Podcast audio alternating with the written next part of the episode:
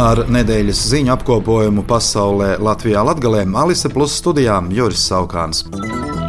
Šonadēļ starptautisko jaunumu klimatu zināmā mērā diktēja pagājušās nedēļas nogalē izskanējušais Donalda Trumpa paziņojums, ka viņš lūk mudinātu Krieviju uzbrukt NATO dalību valstī, kas nepiešķir pietiekami daudz līdzekļu aizsardzībai. Šādu pozīciju nosodīja gan NATO ģenerālsekretārs Jens Stoltenbergs, Eiropadomas prezidents Šārls Mišels, Vācijas prezidents Franks Walters Steinmeiers un daudzi citi. Pats Trumps gan vēlāk mēģināja taisnoties, ka viņš lūk, kad bija ASV prezidents, prasīdams līdzvērtīgu finansiālu iesaistīšanos no visām NATO dalību valstīm, esot tādā veidā stiprinājis aliansi, taču izliet ūdeni, kā mēdz teikt, nesasmelsi. Francijas ārlietu ministrs Stefāns Sežurnē savukārt izteicās, ka Eiropai vajadzīga vēl viena tā saucamā dzīvības apdrošināšanas polise līdzās NATO, nevis tāda, kas aizstāja vai ir pret NATO, bet papildus. Izcēlās starp viedokļu paudējiem Polijas aizsardzības ministrs Radoslavs Sikorskis, teikdams, ka, citēju, Atlantijas alianse nav līgums ar apsardzes uzņēmumu. Nevar apgalvot, ka tieši šajā sakarā, bet pat Krievijas prezidents Vladimirs Putins trešdien paziņoja, ka Džo Baidena uzvara ASV prezidenta vēlēšanās novembrī būtu labākais iznākums Krievijai, jo Baidens kā politiķis pēc Putina domām esot pieredzējušāks un paredzamāks.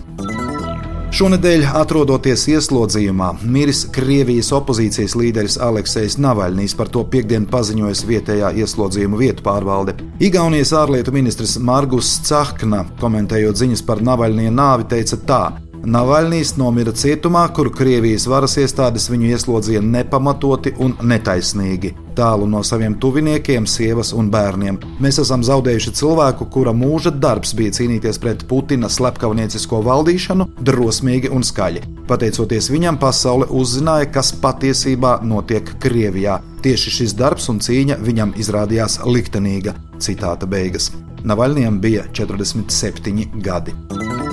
Visu šo nedēļu Donetskas apgabala Avdīvkā turpinājās sīvas kaujas. Ukrainas karavīri gatavo jaunas pozīcijas agrākajā rūpniecības centrā, kuru Krievijas karaspēks ir ielēncis no trim pusēm. Jāatzīmē, ka Krievijas armija jau mēnešiem ilgi mēģina ieņemt Avdīvku, jo tās krišana Maskavai būtu nozīmīga simboliska uzvara. Tajā pašā laikā Ukraina un Vācija šonadēļ parakstīja vienošanos par sadarbību drošības sfērā, kas būs spēkā desmit gadus, un šajā gadā nostiprina Vācijas atbalstu Ukrainai 7 miljardu eiro apjomā.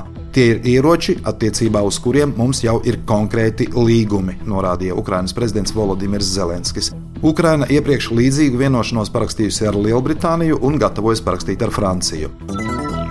Latvijas satversmes tiesa šonadēļ atzina normu, ar kuru Krievijas pilsoņiem jaunas uzturēšanās atļaujas iegūšanai jāapliecina latviešu valodas zināšanas par atbilstošu valsts pamatlikumam.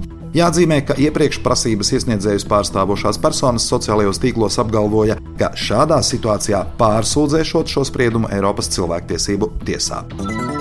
Daugopils domas priekšsēdētājs Andrejs Elksniņš šonadēļ nosūtījis vēstuli ministru prezidentei Evikai Siliņai, Finanšu ministrijai, Vides aizsardzības un reģionālās attīstības ministrijai, kā arī Latgales plānošanas reģionam, aicinot pilnveidot pašvaldību finanšu izlīdzināšanas sistēmu, jo pašreizējā nerada pašvaldībām līdzīgas iespējas ar likuma noteikto funkciju izpildēji. Šonadēļ turpinās Daugopils pilsētas šā gada budžeta plānošana, kurā domnieki ir spiesti veikt virkni taupības pasākumu.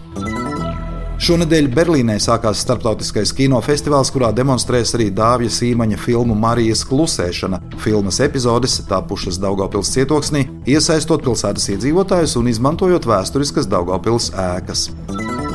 Daugopilī vienības nama poļu kultūras centrā Varšavas ielā 30 šonadēļ atklāta žurnālistes, fotogrāfis un mākslinieces Ineses Mīnovas gleznu izstāde Ļauties savam sapnim. Izstādē būs apskatāmas daudzveidīgas un atmosfēriskas gleznas, kas tapušas nesen un vēl nekur nav izstādītas.